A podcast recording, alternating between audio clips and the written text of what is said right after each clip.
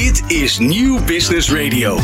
Dit is de Cybersecurity Week van de ondernemer. Voorkom een hack en verklein het risico op cybercrime. Voor jouw bedrijf en personeel. Weet wat de grootste bedreigingen zijn en leer van experts tijdens Cybersecurity Week. Elke werkdag live tussen 12 en 2 op Nieuw Business Radio.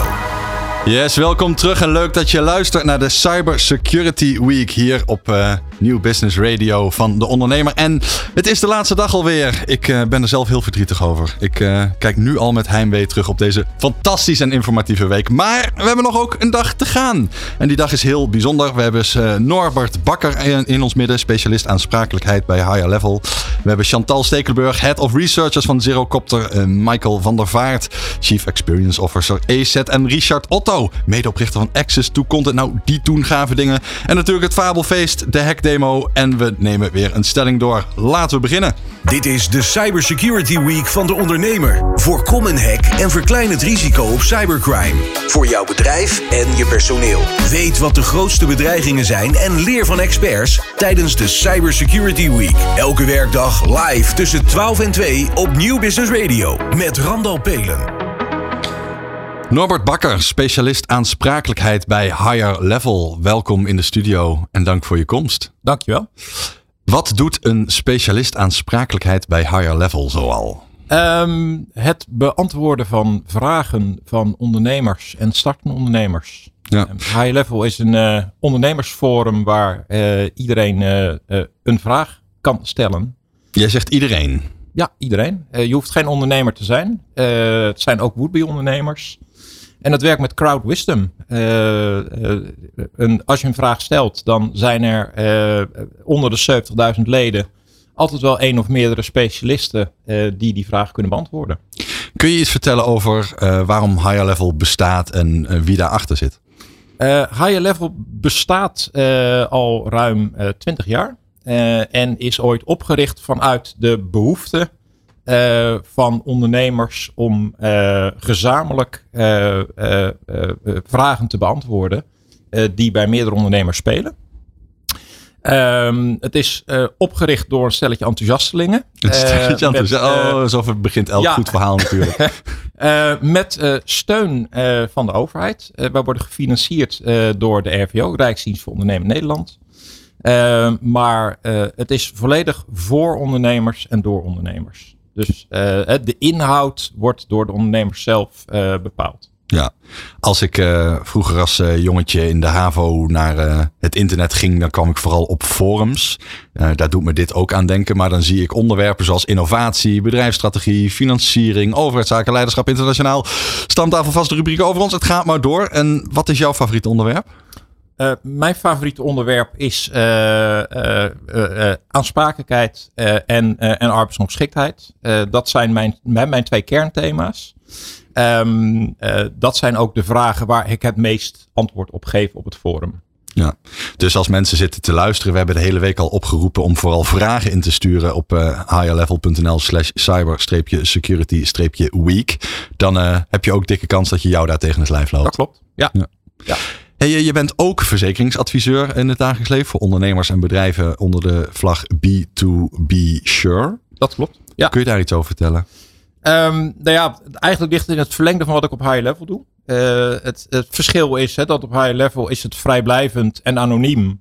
En op het moment dat mensen concrete vragen hebben en mij rechtstreeks benaderen, uh, dan kan ik ze als uh, adviseur risicobeheer en verzekeren informeren over de mogelijkheden om risico's te beperken. Uh, en eventueel aanvullend hè, om eventuele restrisico's voor zover mogelijk te verzekeren. Uh, het ene is werk, het andere is hobby. Uh, maar ja, daar zit een bepaalde overlap tussen. Ja, dat is wat ik iedere ondernemer gun, dat het werk ook leuk mag Dan, zijn. dat betekent dat hè, mijn, mijn, mijn passie en mijn werk zijn heel erg met elkaar verbonden. Ja. Nou, Norbert Bakker, je bent de hele dag mijn co-host. Dat betekent dat je hier aan tafel blijft zitten, lekker uh, net als ik dat doe. En dat iedereen die hier uh, langskomt, uh, ja, gezellig ook met jou in gesprek kan. Um, ik ben wel even benieuwd. We hebben het de hele week over cybersecurity gehad. We hebben het over dreigingen gehad. Over de maatregelen die je kunt nemen als ondernemer om daar wat aan te doen. Om jezelf wat veiliger te maken. Maar waar we nog niet echt de diepte in hebben kunnen gaan, is het moment dat het wel misgaat. En je die verzekering wel goed zou kunnen gebruiken. Nou, ja. heb ik het idee dat jij daar meer van weet. Ja, nou, daar weet ik inderdaad meer van. laten we beginnen bij het begin. Als het wel misgaat, uh, voorkomen is beter dan genezen. Uh, en dat geldt zeker bij cyberrisico's. Maar het is net misgegaan. En, maar het is net misgegaan. wat dan heel erg belangrijk is, is dat je eigenlijk zo snel mogelijk een specialist in kunt schakelen om voor jou aan damage control te doen. Ah, en dat kost ook al geld. En dat kost serieus geld. en zeker voor zeg maar klein MKB het is de meerwaarde van zo'n cyberverzekering, los van de zak met geld, is het vooral de dienstverlening. Dat je eigenlijk onmiddellijk een noodnummer kan bellen. En op dat moment uh, uh, één, twee of drie specialisten worden ingevlogen. Om zo snel mogelijk te kijken van wat is hier aan de hand. En wat kunnen we uh, doen om de schade zoveel mogelijk te beperken. Ja. En bijvoorbeeld bij een ransomware aanval is tijd heel erg belangrijk. Ja. En, en met name zeg maar die eerste paar uur kun je bepalen van is er bijvoorbeeld een backup? Uh, ja. uh, kunnen we zeg maar buiten uh, deze hele losgeld situatie om gewoon zeggen van nou bekijk het maar. Ik hoop dat het antwoord op die vraag al wel duidelijk is voordat de aanval heeft plaatsgevonden. Maar je hebt gelijk, dit zijn de, de wezenlijke vragen die ja. dan de, alles staat ja. in de fik op dat moment. Ja. En dan secundair, ja, toch die zak met geld. wat bij een calamiteit helaas zo is, is dat heel veel bedrijven een calamiteit niet overleven. Omdat het gewoon zo'n impact heeft dat het eigenlijk funest is voor de winstgevendheid en continuïteit van het bedrijf. Weet je iets van cijfers? Je zegt heel veel bedrijven. nou ja, het zijn, zijn algemene cijfers, maar die gaan niet alleen over, over cyber, maar die gaan ook over andere calamiteiten. Ja. Eigenlijk dat na een calamiteit, bij wijze van spreken, de helft van de bedrijven echt serieuze moeite heeft om, om, om voor te blijven bestaan. En de mensen die dit zitten te luisteren in plaats van kijken, die zien mij niet fronzen. Maar ik wil benadrukken dat ik hier verbaasd door ben. Ja, nou ja, het heeft met name te maken met de, de impact hè, die ook een cyberclaim kan hebben. Ik denk dat die namelijk chronisch wordt onderschat. Uh, er zijn ook wel online uh, uh, tools die je in kunt vullen om te bepalen van voor mijn type onderneming, hè, wat zou bijvoorbeeld de omvang van een, van een cyberschade zijn. En over het algemeen wordt hij gewoon onderschat. Hmm.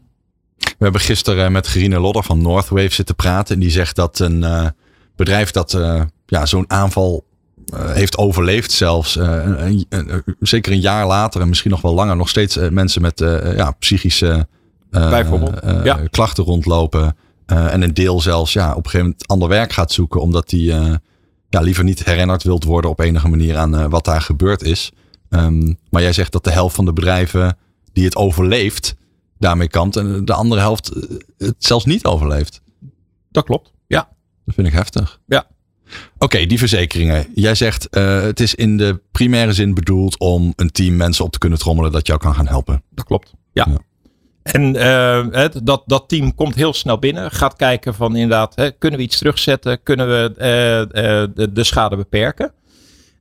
Maar zal ook serieus gaan kijken van waar komt deze aanval vandaan? En is het wel verstandig bijvoorbeeld om dat losgeld te betalen? Nou, dat is natuurlijk uh, ook een beetje een politieke discussie hè, die nu speelt van willen we dat eigenlijk wel? Sorry, mag ik een cynische vraag tussendoor stellen? Ja. Wat nou als dat losgeld minder kost dan dat team cyberexperts? dan, ik denk dat je het gezien. team cyberexperts nodig hebt om dat te kunnen bepalen te bepalen. Hmm. En op het moment dat dat losgeld inderdaad minder kost, dan denk ik dat uh, de overweging om dat losgeld te, te betalen uh, echt heel erg serieus is. Er speelt alleen nog één probleem. Dat losgeld mag niet altijd betaald worden. Want we hebben te maken met internationale sanctiewetgeving. Oh. En je mag niet aan ieder willekeurige regio in de wereld geld overmaken. Omdat die gewoon op de sanctielijst van de Verenigde Naties staat. Dat mag niet, maar dat kan allemaal makkelijk. We hebben bitcoin. We ja, tuurlijk. Dit, tuurlijk, gaat ja, ons gewoon ja, lukken, hoor, ja, pakken. Ja, dat, uh, ongetwijfeld. Uh, maar, stel dat je bijvoorbeeld uh, een verzekering hebt. Dan heeft die verzekeraar wel een probleem. Want die moet zich gewoon aan de regeltjes houden. Ja, dat klopt. en iedereen moet zich aan de regeltjes iedereen houden. moet zich aan de regels houden, ja. ja. Oké. Okay. En dat team is daar bezig. Dit noemen we het Incident Response Team. Dat die klopt. is uh, met Ja. gierende banden aankomen rijden. Ja. En jij zegt net één, twee of drie mensen. Ik heb uh, de meest extreme die ik deze week heb gehoord, is 20 man dat dan opkomt draven. Ja, Um, hoe ziet zo'n verzekering eruit? Kun je daar wat over vertellen? Ja, zo'n verzekering is eigenlijk een combinatie van eh, drie dingen. Eh, een dekking voor eigen schade. Dus zeg maar echt eh, de, kost, de extra kosten die jij moet maken. Maar ook het verlies van, eh, van, van, eh, van, van winst, eh, derving. Als gevolg van een, van een incident. Stel je voor dat er een serieus datalek is. en daardoor jouw imago dusdanig Ja. geschaad is hè, dat klanten weglopen. Ja, dan heb je een serieus probleem. Ehm, eh, en het is een dekking voor schade aan anderen, zeg maar aansprakelijkheid. Mhm. En dat heeft vooral te maken met op het moment dat door een data-inbreuk eh, data van klanten, gevoelige informatie op straat ligt. En je daarvoor aansprakelijk gesteld wordt. Nu hebben we deze week al vaker vastgesteld dat zo'n cybersecurity verzekering voor sommige ondernemers als ver van hun bedshow voelt. Terwijl de meesten hun aansprakelijkheid op orde hebben, de inboedel op orde hebben enzovoort enzovoort. Helemaal correct. Ja. Ehm, is aansprakelijkheid daar dan ook mee gedekt? Nou, er zit wel een overlap in. Hè. Op het moment dat je een goede contractuele aansprakelijkheidsverzekering hebt, dan is bijvoorbeeld een cyberrisico voor een klant is gedekt. Maar cyberrisico's voor niet-klanten of ex-klanten hoeven niet gedekt te zijn. Dus eh, er zit een klein beetje overlap tussen aansprakelijkheidsverzekeringen en cyberverzekeringen, maar die is niet heel erg groot. Dus ehm, op dit moment denk ik dat als je als fatsoenlijk MKB-bedrijf eh, een goede aansprakelijkheidsverzekering hebt, dat je er verstandig aan doet om ook serieus daarnaast na te denken over een cyberdekking. Ja. En die worden ook soms in combinatie aangeboden. Oké. Ik ben MKB'er. Ik onderneem graag en ik wil dat graag ook zo houden. Ik ga naar higherlevel.nl. Ik eh, start een topic. Ik ga in gesprek. Heb ik zo'n verzekering wel nodig? Nou, ik eh, kom jou daar tegen. Van het een komt het andere. We hebben elkaar aan de telefoon. En ik vraag aan jou, Norbert Bakker, help mij inschatten welke verzekering ik nodig heb. Hoe gaat dit in zijn werk? Eh, altijd eerst eh, aan de hand van een inventarisatie van wie ben je, wat doe je. Eh, en vooral ook hoe, hoe wil jij als ondernemer omgaan met risico's. Hè? De ene ondernemer vindt het fijner om risico's zelf te dragen dan een andere ondernemer. De ene is meer zekerheidszoeker dan de ander. Op het moment dat je een extreme zekerheidszoeker bent, dan zal de lijst van potentiële verzekeringen zal langer zijn dan dat je zegt van nee, ik wil alleen maar eh, eh, echte extreme calamiteiten afdekken. Maar als we praten over extreme calamiteiten, hè, dan hadden we het voorheen over bijvoorbeeld eh, overlijden, langdurige arbeidsongeschiktheid, eh, ziekte en brand als, als grootste risico's. En nu staat cyber gewoon in dat lijstje. Hè. Cyber is wel een van de calamiteiten die je als MKB-ondernemer op dit moment kunt ondervinden. Ja, laten we een fictief voorbeeld nemen. Ik ben MKB'er. Ik heb 50 man personeel. Wij exporteren vooral vlaggenmasten. En op het moment dat ik een aanval onderga, dan eh, ja, kan ik eigenlijk geen eh, bestellingen meer in ontvangst nemen. Ik kan ze niet versturen. Ik weet niet wie mijn klanten zijn. Die data is misschien wel buitgemaakt. Ja, ik, eh, ik wil dit ten alle tijde voorkomen. Ik wil dat ik er over tien jaar nog steeds ben. Ja. Ik wil heel veel zekerheid, Norbert Ja. Bakker. Help Ja. mij. Dan zeg ik, eh, begin bij het begin. Begin eerst met te kijken of je eh, de preventie wel op orde hebt. Hè? Want dat verzekeren is een, is een labmiddel voor het eind. Het is alleen maar hè, een zak met geld en dienstverlening. Maar je moet eerst zorgen dat je je zaken die je zelf kunt regelen goed geregeld Daar hebben we het al de hele week over. Dus Ja. dat, eh, dat zit inmiddels snor. Ja, ja. Ja. nou kijk, als dat geregeld is, eh, hè, dan kun je op dat moment eh, kun je zeggen van oké, we gaan kijken eh, ehm, eh, eh, of een verzekering bij jou past. Zo'n verzekeraar zal ook komen met een, een intake of een checklist of soms gewoon met een assessment. Hè. Er wordt er gewoon gekeken door die verzekeraar of die schakelt daar een derde voor in. Om te kijken van hoe goed heb je je zaakjes nou echt geregeld. Ja, dat is een assessment. Even als ik het heel plat sla, een vragenlijst.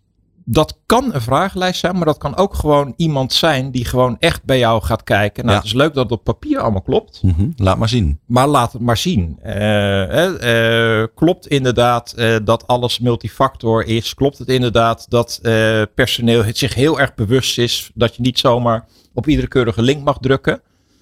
Ehm, is vaak een keuze. Hè? Eh, eh, er zijn verzekeraars die eh, de keuze laten tussen inderdaad die eenvoudige vragenlijst of het offerteformulier.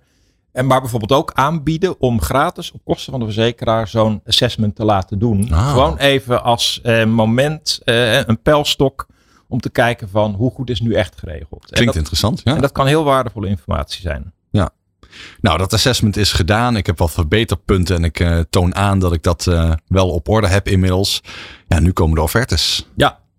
En dan denk ik dat de algemene reactie van de meeste ondernemers zou zijn van god, dat valt echt heel erg mee. Echt waar? Ja, want hè, we zien wel dat door het toename van het aantal claims en de omvang van het aantal claims, hè, dat verzekeraars wel de tarieven iets laten toenemen en wel hè, uh, bijvoorbeeld uh, hun voorwaarden iets strakker uh, hebben, hebben, hebben aangepast. Hè. Je moet aan meer basisvoorwaarden hebben voldaan.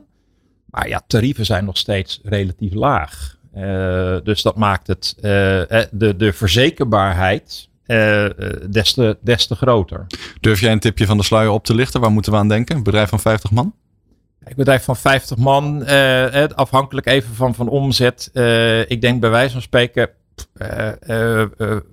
tussen de 1000 en 3000 euro op jaarbasis in die orde groot. Pin er niet op vast, kan goedkoper zijn, maar in, in die orde grootte. Ja, en als jij een cyber, nou, laten we zeggen ransomware aanval voor de kiezer krijgt, dan uh, kan zo'n aanvaller echt een veelvoud daarvan vragen. Ik heb uh, bij één logistiekbedrijf een, een schade van 2,5 ton meegemaakt. En meestal de bijkomende kosten, zeg maar de derving en alles erbij, is gewoon een veelvoud daarvan. Dus zo'n claim kan gewoon voor een bedrijf met 50 man richting het half miljoen gaan aan totale kosten. En ik heb eerder deze week uh, tijdens de Cybersecurity Week uh, geleerd dat het wel eens 23 dagen kan duren voordat je up and running bent. En dat is het gemiddelde. Ja, dat is het gemiddelde. En dat is dus hè, die, die dervingsschade. Het vervelende daarvan is, hè, een deel van je klanten uh, ziet niet alleen dienstverlening, maar ziet ook een enorme breuk in het vertrouwen. En zegt van ik ga op zoek naar een ander, want uh, ik, ik vertrouw jou niet meer. En dan ben je die klant permanent kwijt. Um, hè, dus uh, de, de dip duurt dan gemiddeld misschien 23 dagen. Maar er is geen enkel bedrijf wat er helemaal zonder scheer, kleerscheuren vanaf komt. Ja. Nou kan ik me voorstellen dat als jij een uh, verzekering hebt uh, helpen kiezen, jij ook wel eens uh, gebeld wordt op het moment dat er wat voorgevallen is. Kun je een verhaal vertellen uit de praktijk wat je met eigen ogen hebt zien gebeuren? Nou, ik heb, ik heb verschillende voorbeelden. het eerste is inderdaad dat het logistieke bedrijf, wat inderdaad waar geraakt werd door een ransomware aanval. waar eigenlijk ook heel snel de keuze is gemaakt van wij gaan betalen. om de eenvoudige reden uh, dat het niet mogelijk bleek om de backup terug te zetten. Ja, dan en, zit je klem. Uh, en dan zit je klem. Hè? Kies dus, delen. Uh, en wat er eigenlijk toen gebeurde, en dat was voor mij ook wel een eye-opener, en misschien ook verzekeraars ook wel, van heel veel bedrijven denken een goede backup te hebben. Mm -hmm. Maar in de praktijk blijkt dat het terugzetten van zo'n backup, het is of te complex geworden of het klopt niet. het terugzetten van een backup is eigenlijk iets wat we nooit testen. Het klinkt zo eenvoudig, hè? Ja. Het klinkt zo eenvoudig. Hè? Jij en ik misschien maken een backupje van onze laptop in, in de cloud en misschien nog een drive image. Maar je zult bij zo'n logistiek bedrijf met 50 man. Uh, heb je netwerk, heb je allemaal services her en ja, der. Wat zit erin? Zijn al die gegevens daar? Het is niet uh, duw op, zet backup terug. Nee, en, uh, en next, zelfs next, als next je die backup terug kan zetten, ben je bij wijze van spreken één of meerdere dagen productie kwijt. Ja. En niet voor ieder bedrijf is dat haalbaar om zomaar productie kwijt te zijn. Ja. Nou, ik denk dat een heleboel mensen het wel snappen als je uitlegt dat ik een auto kan hebben. Daar rij ik elke dag in. Soms uh, kom ik langs de weg te staan, vind ik niet leuk. Maar ik heb nog een auto. Die staat er al tien jaar in de garage weg ja. te roesten. Ja. Nooit wat mee gedaan. Die is vast rijklaar. Ja. ja. Misschien wel niet. Nee. Die moet ook onderhouden worden. Ja. En dat is wel een uh, van, de, uh, van de dingen waarvan ik ook heb geleerd. Eigenlijk zeggen we dat al 30 jaar, maar het is nu met cyber is het weer heel erg actueel. Maak een plan en controleer ook gewoon of die backup überhaupt wel terug te zetten is. Want anders heeft het namelijk eigenlijk weinig zin om die backup te gebruiken als, uh, als middel tegen een, een ransomware aanval. Ja. Uh, een ander voorbeeld uh, wat bij een kleine onderneming gebeurde was een klein advocatenkantoor. en daar werd de mailbox gehackt. En er werden vervelende berichten vanuit die mailbox verstuurd naar allerlei relaties toe. Oh nee toch dat levert op het eerste gezicht niet direct financiële schade op. Maar een advocaat is een vertrouwenspersoon. Mm -hmm. uh, op het moment dat jij het gevoel hebt van er gaat hoogstgevoelige informatie over mijn echtscheiding uh, naar een ander toe. Mm -hmm. uh, dat geeft geen fijn gevoel. Dus deze advocaat die schrok zich ook lam.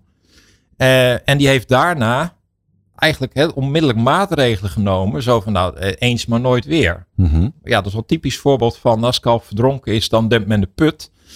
Eigenlijk was de, uh, de, uh, het idee van dat er iets kon gebeuren wat schade kon veroorzaken, was eigenlijk, is binnen kleine bedrijven heel erg afwezig. Ja, kan ik me Totdat het gebeurt.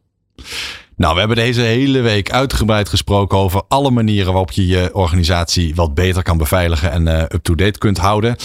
Eén tip, als je nu zit te luisteren en je denkt, hey, dat heb ik allemaal gemist. Dat kun je allemaal terug gaan kijken op de site van de ondernemer.nl. Wij gaan verder naar het Fabelfeest. Dit is de Cybersecurity Week van de ondernemer. Elke werkdag tussen 12 en 2. Voorkom het risico op cybercrime voor jouw bedrijf en personeel. Weet wat de grootste bedreigingen zijn en leer van experts tijdens Cybersecurity Week. Leuk dat je nog steeds luistert naar de laatste dag van de Cybersecurity Week alweer. Ik ga zo meteen nog in gesprek met Chantal Stekelenburg. Van, eh, die is Head of Researchers bij Zerocopter. We gaan het hebben over onder andere stalkerware. Dat klinkt spannend. Michael van der Vaart, Chief Experience Officer bij ESET. En Richard Otto, medeoprichter van Access to Content. Wordt nog heel gezellig. Maar we staan eerst nog even stil bij het fabeltje van de dag. En dat doe ik met Norbert Bakker. Hij is specialist aansprakelijkheid bij Higher Level. En Norbert, ik heb een heel mooi fabeltje voor jou meegenomen. Benieuwd wat je daarvan vindt. Antivirussoftware beschermt mij tegen alles. Dat is een mooi fabeltje. Dus het is niet waar? Nee, het is niet waar. Waarom niet dan? Ja, het is heel vervelend. Maar ja, eh, antivirussoftware eh, beschermt jou tegen virussen.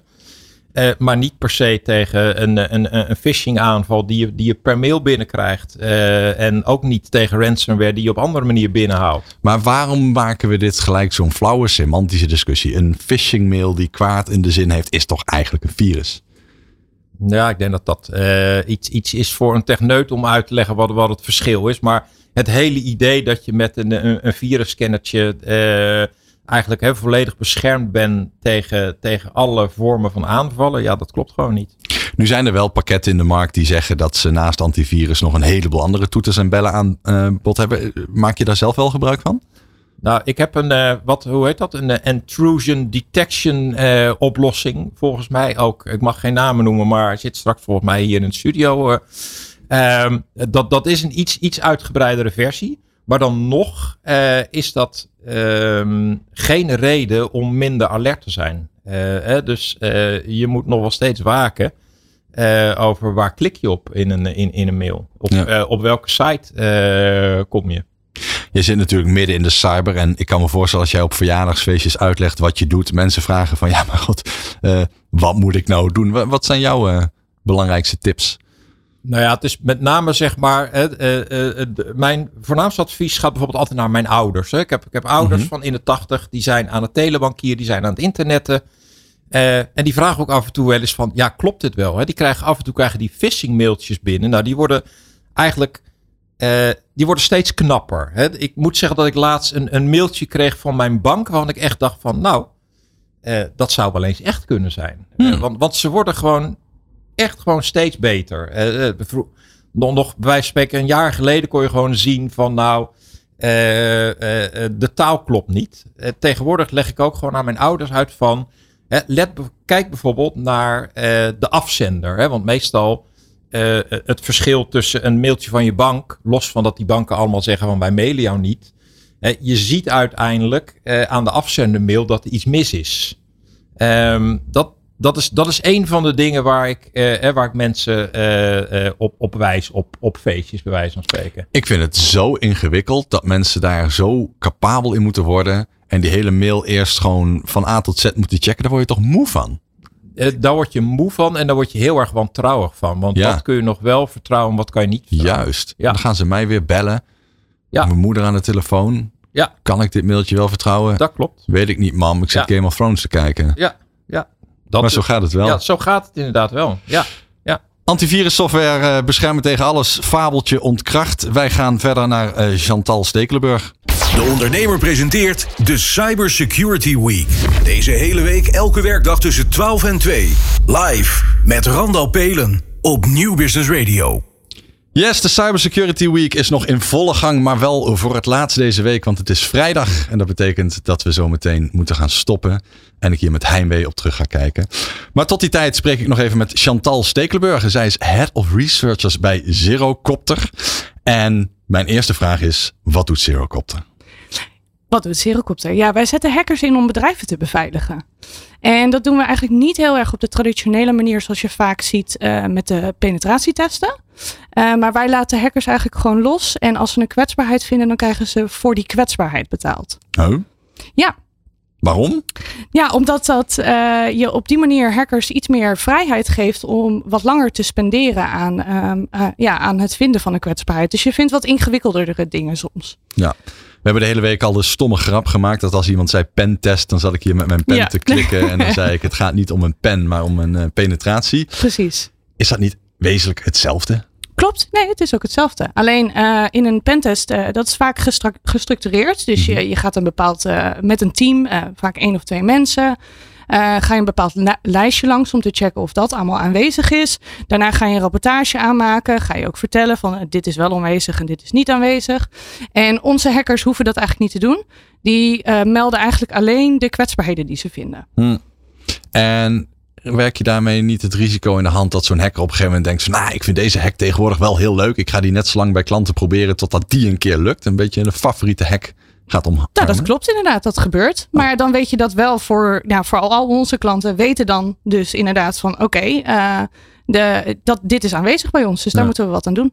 Klinkt wel spannend. Ik ben ondernemer. Ik wil mijn uh, omgeving laten testen door jullie. En ik betaal vervolgens per lekker. Wat nou als de boel zo lekker als een mandje is? Dan heb ik een heleboel lekker ja. voor me kiezen. Nou, nou, dat is ook wel iets. Uh, uh, daar heb ik ook echt wel met, met onze klanten wel eens gesprekken over gehad. Van ja, ga eerst, laten we eerst even wat anders doen. Want anders dan ga je helemaal blauw betalen aan, aan dat soort dingen. En dat wil je ook niet. Hmm. Nee, dus er zijn andere dingen die je kan doen. Uh, inderdaad, op een wat meer gestructureerde manier de security testen. Uh, om daar dat in ieder geval eruit te halen. En dan te gaan kijken van oké, okay, welke gaten zijn er uh, nog niet gevonden. die echt wel wat moeilijker zijn te vinden. Maar waarschijnlijk wel heel veel impact hebben. Ja, oké. Okay. Je werkt bij Zerocopter. je bent head of researchers. Ja. hoofd van de afdeling onderzoek eigenlijk? Nee, niet de afdeling niet, onderzoek. Nee, wij hebben, uh, wij hebben best wel veel. On, onze hackers zijn dus niet in dienst bij ons. Mhm. Um, uh, die, uh, het zijn ook niet ZZP'ers of zo. maar ze krijgen echt alleen maar betaald als ze iets vinden. dus dat is eigenlijk een community en daar ben ik het hoofd van. Ja, en hoe gaat dat in zijn werk? Ja, dan moet je de hele wereld over om ze te ontmoeten. Ja. Maar daar hebben we internet voor. Kom op. Je ja, dat klopt inderdaad. Nee, maar het is toch wel. Uh, uh, nee, het is, het is ook wel goed om iemand in de ogen aan te kunnen kijken. Hm. Ja. Nou, en natuurlijk uh, ja, hou ik ook in de gaten dat de kwaliteit van onze hackers goed is. Um, background checks, dergelijke. Dat doen wij ook allemaal. Oké. Okay. En hoe ziet een dag in het leven van jou eruit als je niet op de radio bent? Dan ben je echt onderweg. Uh, ja, ik ben of onderweg, ik zit in een vliegtuig, um, of uh, ik sta op een conferentie. Um, uh, en soms zit ik ook wel eens gewoon op kantoor. Ja. Dan zul je een hele drukke week hebben gehad. Ik heb een hele drukke week gehad. Deze hele maand is een hele drukke maand. Oktober, Klopt. hè? Ja. ja. Waar jij ook uh, regelmatig een lans voor breekt in de media is het fenomeen stalkerware. En ik was eigenlijk een beetje op het spoor dat we deze hele week over tal van uh, dreigingen hebben gehad. Uh, manieren om dat te voorkomen. Het is veel over phishing gegaan. we hebben ook de mentale impact en weerbaarheid besproken. Maar stalkerware is een heel specifiek soort aanval. Wat kun je daarover vertellen? Ja, en uh, meestal heb ik het ook in de context van uh, ex-partners die elkaar stalken. Mhm. Of een ex-partner die iemand stalkt. Uh, maar ik vond het grappig dat jij daarover begon inderdaad. Want er zijn inderdaad ook echt wel gevallen waarbij ondernemers worden gestalkt. O jee. Ja, en dat kan op heel veel verschillende manieren. Kijk, als ondernemer heb je best wel veel um, informatie over jezelf op het internet staan. Ja. dat, dat is ja, best wel toegankelijk, zeg maar. Nou, dat wil je ook, want je wil gevonden kunnen Precies, worden. Ja, nee, dat is een vak apart ja, om absoluut. gevonden te worden. Maar het kan ook misbruikt worden. En uh, het, er zijn gevallen waarbij uh, nou ja, uh, er mensen zijn die toch een soort van geobsedeerd worden door een bedrijf, ondernemer en Zo. gaan stalken. En daar zit dan vaak ook afpersing bij. Hmm. Um, maar uh, ja, stalkerware is een dingetje waar ik in geïnteresseerd ben geweest, omdat daar wat meer uh, techniek in zit. En stalkerware is eigenlijk een programmaatje die geïnstalleerd staat op een computer of een mobiele telefoon, die eigenlijk alles in de gaten houdt. En waarop de stalker dus heel veel informatie kan verzamelen. Bijvoorbeeld je locatie, uh, de mailtjes die je binnenkrijgt, berichtjes die je binnenkrijgt, door wie je gebeld wordt. Uh, en dat is ook iets wat in afpersing gebruikt kan worden. Ja, lijkt me ook zenuwslopend op het moment dat je daar weet van hebt. Ugh. Ja, nou ja, je wordt compleet paranoïde, want ja, uh, alles wordt in de gaten gehouden. Dus je, je weet niet meer wat veilig is. Wat zijn de motieven van dit soort dingen? Want ik kan me voorstellen dat als een uh, hacker of een misdadiger, een, een crimineel op zoek is naar zoveel mogelijk geld, diegene uh, best wel een breed net uit kan gooien over het internet en zoveel mogelijk laaghangend fruit kan proberen hacken. Zeker. Het gaat hier echt om een gerichte aanval. Ja, ja nee, dus hier zit ook echt, echt wel, dit is wel echt iets anders, omdat hier vaak een, een obsessie uh, bij komt kijken. Uh, of iemand die heel erg boos is ergens over. En, uh, en op, die, op die manier. Dus het zijn hele andere gevallen dan dat je ja, gehackt wordt inderdaad. Want daar gaat het echt om geld. Ja, uh, laten we er een voorbeeld bij pakken. Ik, ik ben zo'n stalker. Ik denk, ik heb het gemunt op deze specifieke persoon. Ik wil diegene misschien wel af gaan persen. Hoe, hoe gaat dat te werk? Ja, nou ja, wat, uh, wat, ik, wat ik wel eens heb gezien is dan uh, gaat het om een vrouwelijke ondernemer. Uh, die, nou, en, en een mannelijke stalker is daar geïnteresseerd in geraakt. Dit is wel vaak de dynamiek, hè? Ja, is echt wel heel vaak de dynamiek. Mannen of vrouwen. Ja, ja echt. er, zijn, er zijn gevallen waarbij dat anders is, maar dat zijn er echt heel weinig. Dus ik heb het ook eigenlijk altijd over mannen die stalken en vrouwen die gestalkt worden. Ja. maar ja, en ook onder ondernemers is dit ook nog steeds het geval. Um, en um, ja, de man die wil eigenlijk zoveel mogelijk te weten komen over nou, wat, wat die vrouw dus doet en, waar ze is uh, om er te ontmoeten bijvoorbeeld. En uh, wat je vaak ziet is dat er toch een escalatiepad is. Dus dat er op een gegeven moment, nou, die vrouw die wil dat niet. Dus uh, die is afwijzend tegenover die man. Ja. En dan kan het dus komen tot, uh, tot, tot afpersing bijvoorbeeld. Met bijvoorbeeld um, um, ja, informatie die online is gevonden. Of foto's misschien wel die ergens zijn verkregen. En soms gaat het ook om geld. Hmm. We hebben het eerder deze week gehad over mentale impact. Dit lijkt me een heel heftige vorm van zeker, aanval. Zeker. Ik denk dat dat zeker wel te vergelijken is met een, uh, een ransomware aanval in een klein bedrijf. Ja. ja. Hoe gaan we ons hier tegen verdedigen? Ja, dat is uh, een hele lastige, omdat er ook best wel veel uh, technologiebedrijven zijn die apps um, maken of uh, bepaalde gadgets uitbrengen die dit makkelijker maken. Ja. Zoals bijvoorbeeld trackers voor je sleutels. Hmm. Die maken het makkelijk om iemand te volgen. Ik kan altijd zien waar mijn rugzak is, ja. Precies, ja. maar je zou dat ook bij een persoon kunnen doen. Nou wil ik niemand ideeën geven, maar dat zou kunnen. Ik doe dat zelfs bij mijn zoontje. Ja. Ja. Die heeft ja. altijd zo'n uh, AirTag in zijn rugzak en dan kan ik zien waar die is. Dat is best nuttig. Ja. Ja. Zeker uh, die keer uh, of twee, misschien wel vaker. Dat je hem kwijt was? Dat we die rugzak kwijt zijn. ja. Nee, maar dit is dus, het, het zit in een, een, een, een, een onverwachte hoek. Ja. Ja. Nee, dat klopt inderdaad. Maar het probleem hiermee is dat er, uh, ik denk dat uh, die bedrijven te weinig hebben nagedacht over hoe je dit kan misbruiken. En ik denk dat dat deels ook komt omdat die teams niet heel erg divers zijn. Dus dat er bijna geen vrouwen in die teams zitten. Mm -hmm. um, uh, en die, ja, die, die mannen die denken dus niet na over, over het risico van um, ja, dit soort apparaatjes. En um, uh, ik denk dat dat echt beter kan in de toekomst. Ik weet dat er, uh, nou, Apple en Google zijn er ook echt mee bezig om dat beter te maken. Maar het is eigenlijk al te laat. Ik heb wel gemerkt dat als ik in een auto ga zitten waar zo'n AirTag in ligt. en ik ben niet degene van wie die AirTag is, dat ding geluidjes begint ja. te maken. Ja, klopt inderdaad. Ja, nee, Apple doet dat vrij goed. Um, uh, maar dan moet jij wel een Apple-telefoon hebben. Hmm. Want als je een Android hebt, dan krijg je dat niet. Nee? Nee. Dat ding begint niet te chilpen als ik. Uh... Nee. Norbert, jij hebt uh, net verteld over uh, ransomware aanvallen. Kom jij stalking ook tegen? Uh, nou, ik heb er op, op deze manier nog niet van gehoord. Maar waar ik gelijk wel aan uh, zit na te denken is de zogenaamde CEO-fraude. Dat komt een stap in die richting, ja. ja. waar zeg maar via social engineering heel veel data wordt verzameld. Om ja, dan heel gericht binnen een bedrijf een, een heel groot geldbedrag binnen te halen. En ik kan me zo voorstellen dat deze software, uh, ja, dat dat eigenlijk broertjes en zusjes van elkaar zijn. Dat klopt inderdaad. Stalkerware uh, die geïnstalleerd staat op een, uh, op een telefoon of op een computer, wordt ook wel spyware genoemd. En ja. dat is ook ja, de spionagesoftware. Ja. En dat, dat zou kunnen inderdaad. Ja. Dus ja, we hebben online hebben we een, een, een specialist die bijvoorbeeld iedere week de CEO-fraude van de week presenteert op, op LinkedIn. Dat, dat gaat om hele grote bedragen. Uh, uh, het, het, het, het, klinkt allemaal heel erg knap. Hè? Het is, uh, als je dat leest, denk je dat het een beetje Casa de Papel of Oceans 11-achtige toestanden zijn. Maar ja, als ik dit zo hoor, dan ja, kunnen er behoorlijk zieke geesten achter zitten. Wat ik dus heel interessant vind, is we hebben het de hele week eigenlijk al gehad over CEO-fraude in, de, in het kader van een externe persoon die iemand voor de gek houdt met mailtjes die heel echt lijken of telefoontjes die ja. net uh, echt zijn. Uh, we gaan het vanmiddag ook nog hebben over toekomstige dreiging en dan komt de invloed van AI ook even voorbij. Maar dit is eigenlijk heel wat anders. Dit is je niet voordoen als iemand anders. Dit is de persoon die echt dat geld over kan maken. ja. Zo gek maken of afpersen dat die persoon jou nou tussen aanhalingstekens vrijwillig dat geld geeft. Ja. Heel ander beest.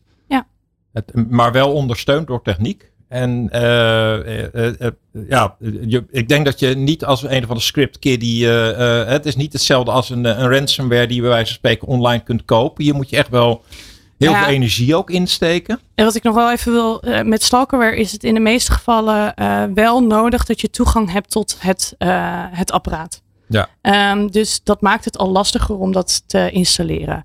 Ehm, dus je moet in, in, de, in de buurt kunnen komen van die persoon Ja. om het te installeren. Ja. Dat is niet eh, omdat je op een linkje hebt geklikt dat dat eh Nee, zomaar kijk, kan. dus zeg maar, je moet echt we hebben een misbruik van vertrouwen kunnen Klopt, maken. inderdaad. Dat, dat is wel zo. Eh, of je moet iemand ehm, ehm, ja, eh, toch misschien wel via e-mail of via berichtjes ehm, ehm, zo gek kunnen maken om dat te installeren. Maar dat, eh, het, het, is, het, is wat, ja, het is moeilijk, inderdaad. Ja.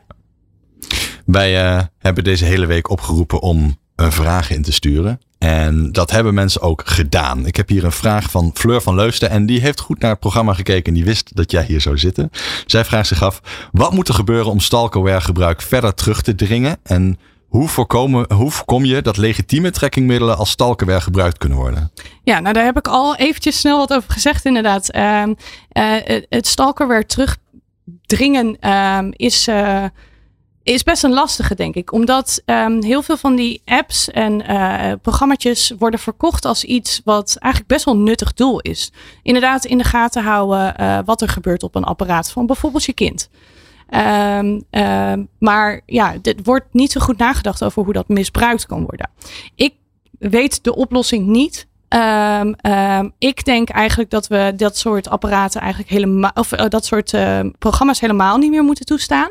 Eh, maar ik kan me best voorstellen dat, ehm, dat er ouders zijn die hun kind wel in de gaten willen houden. Die willen weten wat er, wat er gebeurt op zo'n, op zo'n telefoon.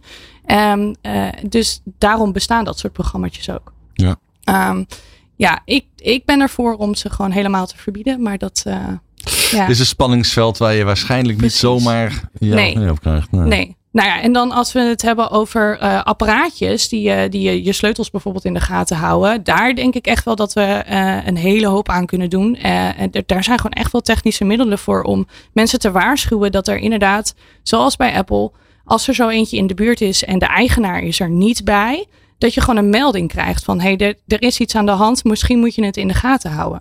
Nou, Apple en Google zijn daar ook echt al mee bezig. Eh, dat wordt waarschijnlijk in 2024 ook ehm, breed verspreid over alle Apple en, en Android telefoons. Eh, en dan gaan we gewoon allemaal een melding krijgen als er zo'n ding in de buurt is en de eigenaar is er niet bij. Lijkt me een goede toekomst. Dat lijkt me een hele goede. Ja. Ja. Hey, we hebben de hele week beloofd dat de luisteraars vragen in konden sturen. En ik heb er een heleboel. Vind je het goed dat we er een paar gaan doornemen? Norbert Chantal, zijn Ja, jullie er leuk. klaar voor? Ik ben benieuwd. Ehm, een belangrijke gebeurtenis deze week is dat er een onderzoek is eh, gepubliceerd door DIVD en de Universiteit van Twente, waarbij ze gemeentes hebben gewaarschuwd voor een bepaald lek. Laten we even in het midden welk lek dat is, maar hoe daarop gereageerd is. Slechts 19 gemeenten had uiteindelijk de boel op orde, terwijl de 114 gewaarschuwd zijn. Dat betekent dat ook al meld je eh, kwetsbaarheden en doe je dat uit een eh, burgerplicht en omdat je de wereld wat mooier wil maken, ja, lang niet iedereen daar wat mee doet en de wereld aan het eind van de dag helemaal niet veiliger is geworden. Er is ook een andere recente ontwikkeling die in ieder geval meer in het nieuws komt. En dat is het fenomeen security.txt. Ja. Chantal, kun je uitleggen wat dat is? Eh, Security.txt is een eh, bestandje wat je op, de, eh, ja, op je server zet. Ehm, eh, waarbij je informatie ehm, vrijgeeft over waar je inderdaad kwetsbaarheden kan melden. Het is een publieke plek. Het is een publieke plek, inderdaad. Eh, en eh, je zet het op je server. En dat is dus een, een, ja, een mapje op je server die wel publiek staat naar iedereen. Ehm, maar zodat, dat is een beetje eigenlijk zodat ehm, iedereen het makkelijk kan ophalen. En dat het één plek is waar iedereen het eigenlijk altijd kan vinden. Ja, dus het maakt niet uit op welke website je zit. ja. Daar staat hij altijd. Ja. Eh, Makkelijk te vinden. makkelijk te vinden. En daar staat dan eh, nou ja, bijvoorbeeld een e-mailadres in waar naar je kan mailen als je iets hebt gevonden. Of eh, nou, je kan daar eigenlijk van alles inzetten wat je doet voor de security. Wat handig is om te weten voor andere mensen die je eventueel willen helpen. Een soort uithangbord op de gevel. Zo van, nou, als je een kwetsbaarheid ziet, meld hem Zeker. alsjeblieft daar. Ja. Dit en dit is hoe we ermee omgaan. Precies. Klinkt als een no-brainer. Waarom doet niet iedereen dit? Nou, dit, het gebeurt wel. En uh, dat noemen we, nou, in, uh, vroeger noemden we dat een responsible disclosure beleid. En dat stond dan vaak in de footer van een website. Uh, moet je beter zoeken, hè? Ja, dan moet je, dat is iets meer zoekwerk. Dus vandaar dat in, de, in dat mapje, zeg maar, en het is gewoon makkelijk voor iedereen te vinden. Um, en en Coordinated Vulnerability Disclosure is het inmiddels geworden. En um, dat, ja, het staat toch wel vaak gewoon in de footer op de website. Wat is het verschil tussen die twee? Um, responsible disclosure was eigenlijk begin hiervan. Um, toen hebben we besloten als uh, gemeenschap, uh, bedrijven en hackers, zeg maar, om in ieder geval iets op te schrijven. Zeg maar, als je iets vindt bij een bedrijf, dan kan je dat hier melden. En dat was gewoon heel makkelijk voor de hackers. Alleen er lag heel veel verantwoordelijkheid bij de hackers. En niet per se bij het bedrijf. Dus het was niet helemaal geregeld, zeg maar, dat het bedrijf het ook echt moest oplossen. Ja, je zegt eigenlijk tegen die hackers, nou super tof dat je een kwetsbaarheid ja. vindt, maar uh, ik heb het neergezet waar mij goed uitkomt, zoek jij maar waar dit Precies. linkje staat. Ja. En in coördinated vulnerability, Vulnerability, Vulnerability disclosure. disclosure. ja, ik vind hem nog steeds moeilijk. CVD noemen we hem gewoon. Um, uh, hebben we iets meer uh, geregeld dat de bedrijven er ook daadwerkelijk wat mee moeten. Ze moeten het binnen een bepaalde tijd oplossen. Uh, er moet gecommuniceerd worden naar de hacker. zodat de hacker ook weet dat het opgelost is en eventueel een hertest kan doen. Uh, en um, uh, ja, beloningen zitten daar ook iets meer in, zeg maar. En een beloning kan echt van alles zijn. Hè? Dat kan een t-shirtje zijn, maar dat kan ook geld zijn. Ik zie regelmatig hackers op Twitter plaatsen dat ze weer eens een t-shirt in de wacht ja, hebben we zijn uh, fervent verzamelaars van t-shirts. Zeker. Nou, want jij begint daarvan te giechelen. Wat is daar zo mooi aan? Nou, we hebben zeg maar die vraag over security.txt hebben we ook deze week geplaatst op, op highlevel.nl. Uh, en daar kregen we vooral als reactie op terug dat uh, uh, zeker de wat kleinere ondernemers zeiden van ja, dan ga ik een mailadres ga ik op mijn website zetten en dan krijg ik alleen maar spam op die mail. Nou, de, als dat het ergste is. Nou ja, kijk, kijk het is wel, het is een bekende, het, het is gewoon een bekende respons. Hè? onbekend maakt onbemind.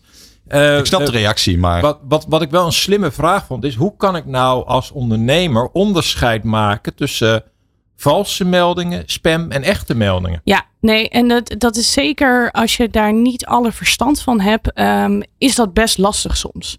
Um, dat, ja, dat, dat, ik weet ook niet helemaal wat daar de oplossing is. Want ja, als ondernemer, je kan niet overal verstand van hebben. Uh, dus ook niet uh, van dat soort meldingen die binnenkomen. Nee, en ik ken ook een ondernemer die zegt van ja, ik, ik schuif door naar mijn ICT-dienstverlener. Ja. Maar ja, uh, Randel, je noemde net al die, die kwetsbaarheden bij die gemeente. Wat ik merk bij de ICT-bedrijven die dienstverlening doen voor MKB-bedrijven, is dat ze weet hebben van kwetsbaarheden, maar gewoon niet de, de tijd hebben om dat alle minuut op te Ja. lossen. Hè? Dus Ja, ja, ze maken meestal een hele ruwe scheiding van, nou, dit is echt een vulnerability, die moeten we onmiddellijk oplossen. Eh, en de rest gaat ergens op een grote hoop. Nee, dat is ook zeker Ja. zo. Je hebt, je, je hebt prioritering nodig Ja, natuurlijk. ja. Ja. iets wat echt eh, gewoon best wel kritisch is. Ja, dat moet, daar moet gewoon snel op, eh, opgepakt Ja. worden. Ja. Maar iets wat eh, meer een best practice is. Iets wat je ja, eigenlijk iets beter kan doen. Ja, dat, dat kan misschien iets langer wachten. Ja, Ja. Wat ik heel mooi vond aan dat onderzoek waar we het over hebben. Ik heb de kans gehad om Koen van Hoven te interviewen die dit lek heeft gevonden. En wat hij zegt is, het moeilijk is, heel veel bedrijven zijn hiervoor kwetsbaar. Maar er staat nergens in de wet dat de bakker op de hoek zijn beveiliging op orde Ja. moet hebben. Als die s'nachts de achterdeur open laat staan omdat het zo lekker doortocht. Dan staat er nergens dat hij die deur op slot moet doen om het wat veiliger te maken. Dat mag een ondernemer zelf weten. En dat is ook een paradox waar je hier een beetje in komt. De overheden en de gemeentes worden geacht de beveiliging op orde te hebben. Die bewaren gegevens die ons allemaal aangaan. Ehm, maar er is geen wetgeving die zegt je moet je cybersecurity op orde hebben.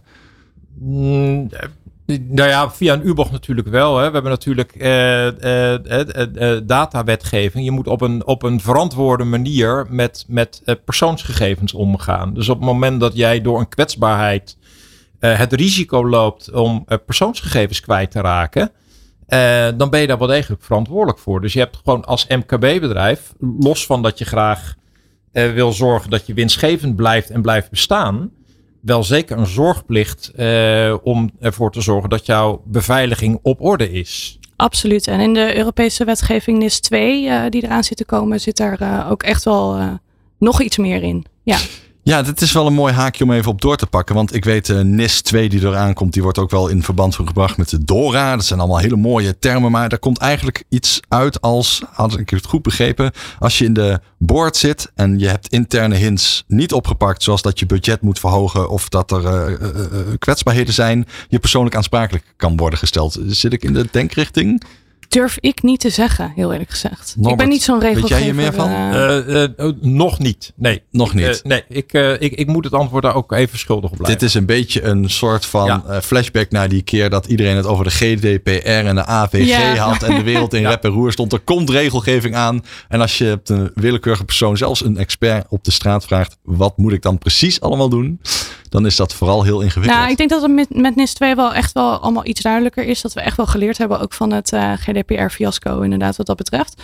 Um, uh, alleen, uh, ik ben gewoon niet zo'n ja, regeltjes-nerd. Dus. Wat ik me heb laten vertellen is dat het in ieder geval een deel van het paradigma kan gaan veranderen. Want uh, voorheen waren bedrijven vooral financieel compliance. Ja. Zolang de cijfers ja. en de euro's maar op de rekening staan, dan is dat prio nummer één. Uh, maar inmiddels wordt er ook wel geëist uh, en via wetgeving waar, daar waar nodig afgedwongen dat je beveiliging ook op orde is. En ik, ik kan me daar wel wat bij voorstellen. Want het gaat niet alleen maar om jouw bedrijfseigendommen, maar het gaat ook om persoonsgegevens. En het gaat dus, om dingen die ons allemaal aangaan. ja. Ik had een vraag van Ronnie en die vind ik wel heel mooi voor Chantal. Uh, hoe kan ik een switch maken naar de cybersecurity en ben ik meer waard aan de defensieve of de offensieve kant? Ja, wat leuk. Um, ja, een switch maken naar cybersecurity. Ik heb daar misschien wel een beetje een uh, controversiële mening over hoor. Ik denk dat uh, als je daarin geïnteresseerd bent, je kan enorm veel informatie vinden op het internet over cybersecurity. En je kan enorm veel gratis cursusjes doen en dergelijke. Begin daar lekker mee.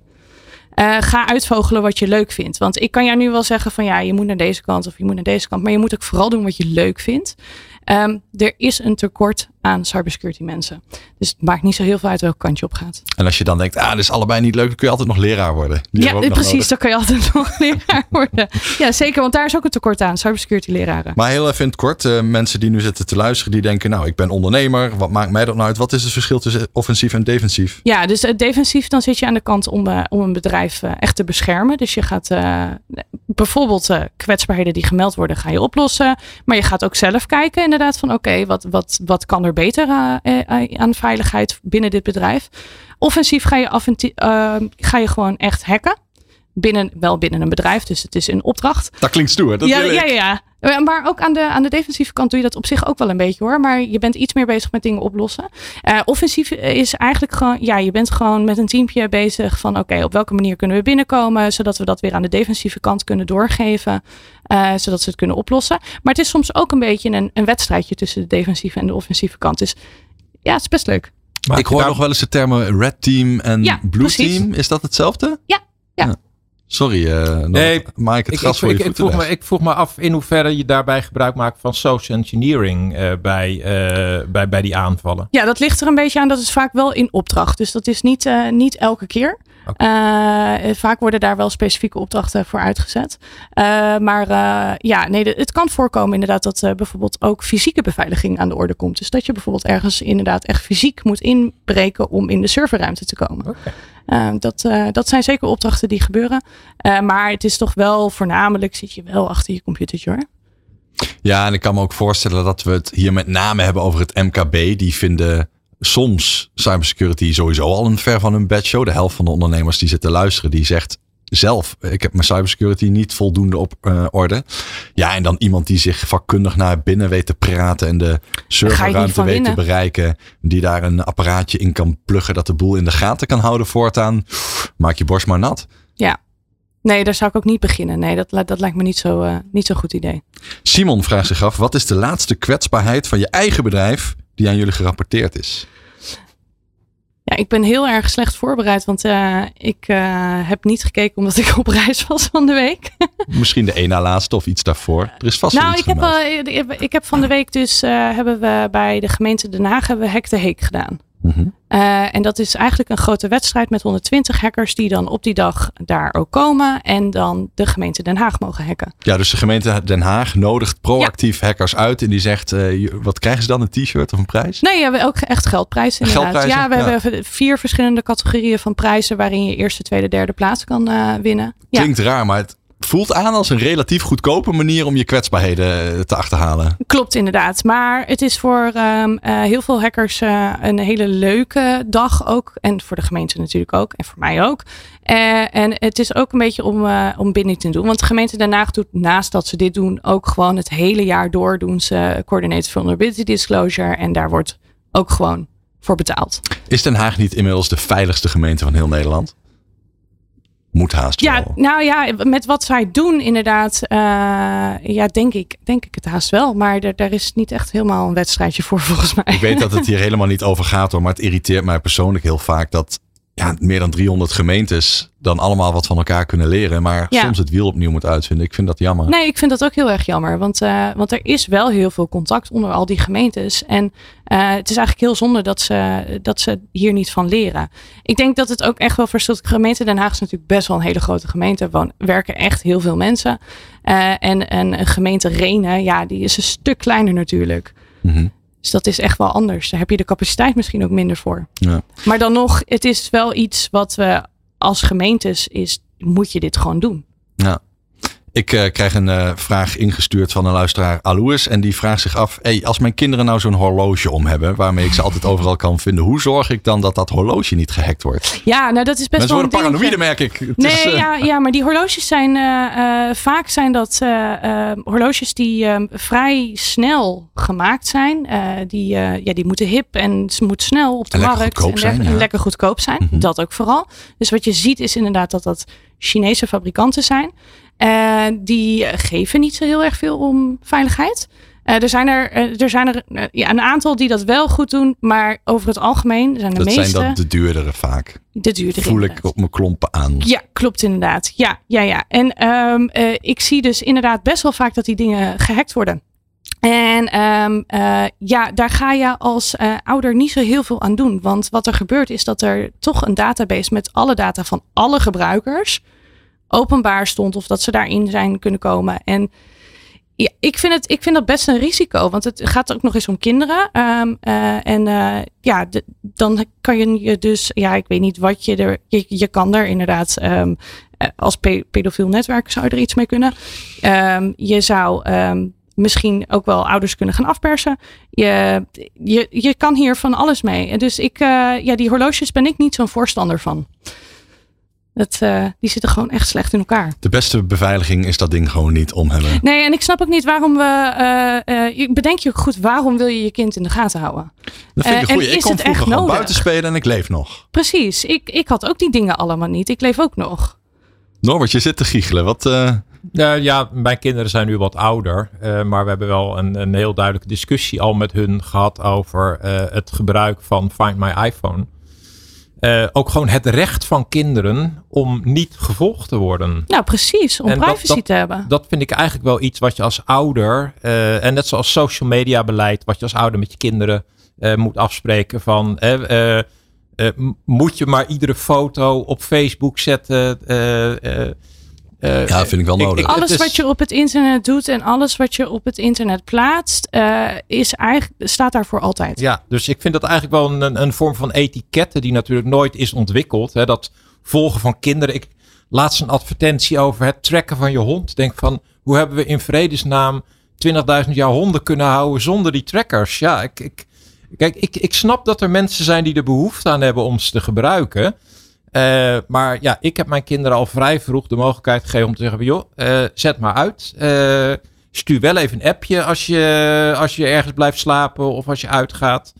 En inderdaad, eh, hoe heet het? Ze, zijn er gewoon, ze zijn er gewoon groot mee geworden. Ja, je moet echt een risicoafweging nemen. Inderdaad, is, is het nodig dat ik dit doe? En als het niet nodig is, doe het dan ook niet. Want ja, er zitten zoveel risico's aan. Luisteraar Imar die heeft een vraag. Welke beveiligingsmaatregel ontdekte je zelf, misschien wel te laat, in je leven? Ja, wachtwoorden genereren. Hm, Ja. Ja, dit dat, is eh, misgegaan, zie ik in je ogen. Ja, ja, ja, Oh, ja. zeker, zeker. Nee, dat is eh, inderdaad. eh, ik ehm, ik doe, doe dit nu zeven jaar. en ehm, nou ja, zeven jaar geleden ben ik daar inderdaad.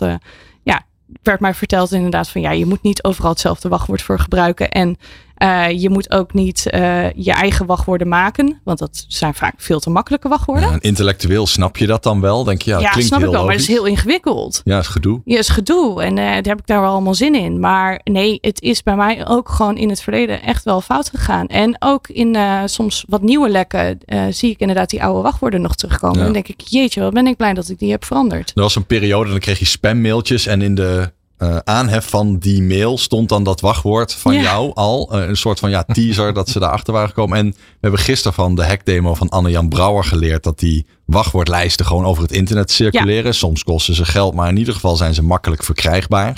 Ja, andermans wachtwoorden uh, in hun gezicht duwen, dat, dat geeft toch een koude rilling door je rug. Zeker, ja. Ja, ja en, en vaak is het ook. We, we, we zijn ook uh, door heel veel bedrijven aangeleerd, zeg maar, die zeggen van ja, je moet een sterk wachtwoord hebben.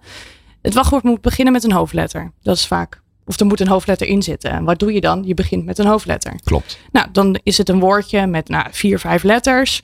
Uh, en dan uh, moet er nog een cijfertje in. Dus dan doe je ja. 1, 2 of en dan 3, 4. Een, uh, een, een speciaal teken. En dan moet een speciaal een uitroepteken. doen we een uitroepteken. Maar dat doen we allemaal. Ja. Dus als je een beetje informatie verzamelt over iemand, zou je ze ook nog eens heel makkelijk kunnen raden. Hmm. Dat is ook wel eens gebeurd in de wereldgeschiedenis. Uh, dat is zeker gebeurd. Een collega van mij heeft dat uh, inderdaad bij een uh, zekere president gedaan. Yep. Ja. Dat heeft hij zeker. Ja. Ex-president. Ex-president inderdaad. Ja. ja. Norbert, heb jij een voorbeeld van een uh, vergissing die je zelf hebt gemaakt of een les die je hebt geleerd? Uh, nou ja, helaas uh, bijna exact hetzelfde. Uh, mijn, mijn wachtwoorden lagen op straat door een hack bij Adobe enige tijd geleden. Die van jou en vele anderen. Die van mij en vele anderen. En inderdaad, ik, ik was ook net iets naïef door heel vaak bij bepaalde websites hetzelfde wachtwoord te gebruiken. Of een variatie op die eigenlijk veel te makkelijk te raden was. Um, en ik heb daar eigenlijk tot op de dag van vandaag heb ik daar nog steeds last van. Want ik merk dat ik ik heb zo'n hele mooie lijst gekregen uh, van uh, op hoeveel sites heb je eigenlijk dat wachtwoord gebruikt. Nou, dat, daar schrok ik wel van. Hè. Dat waren er bij wijze van spreken meer dan 100. Hoe kwam je aan die lijst?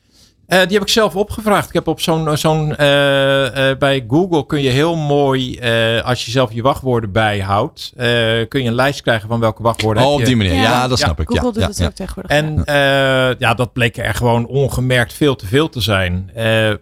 ik ben daarna overgestapt op een, op een wachtwoordmanager.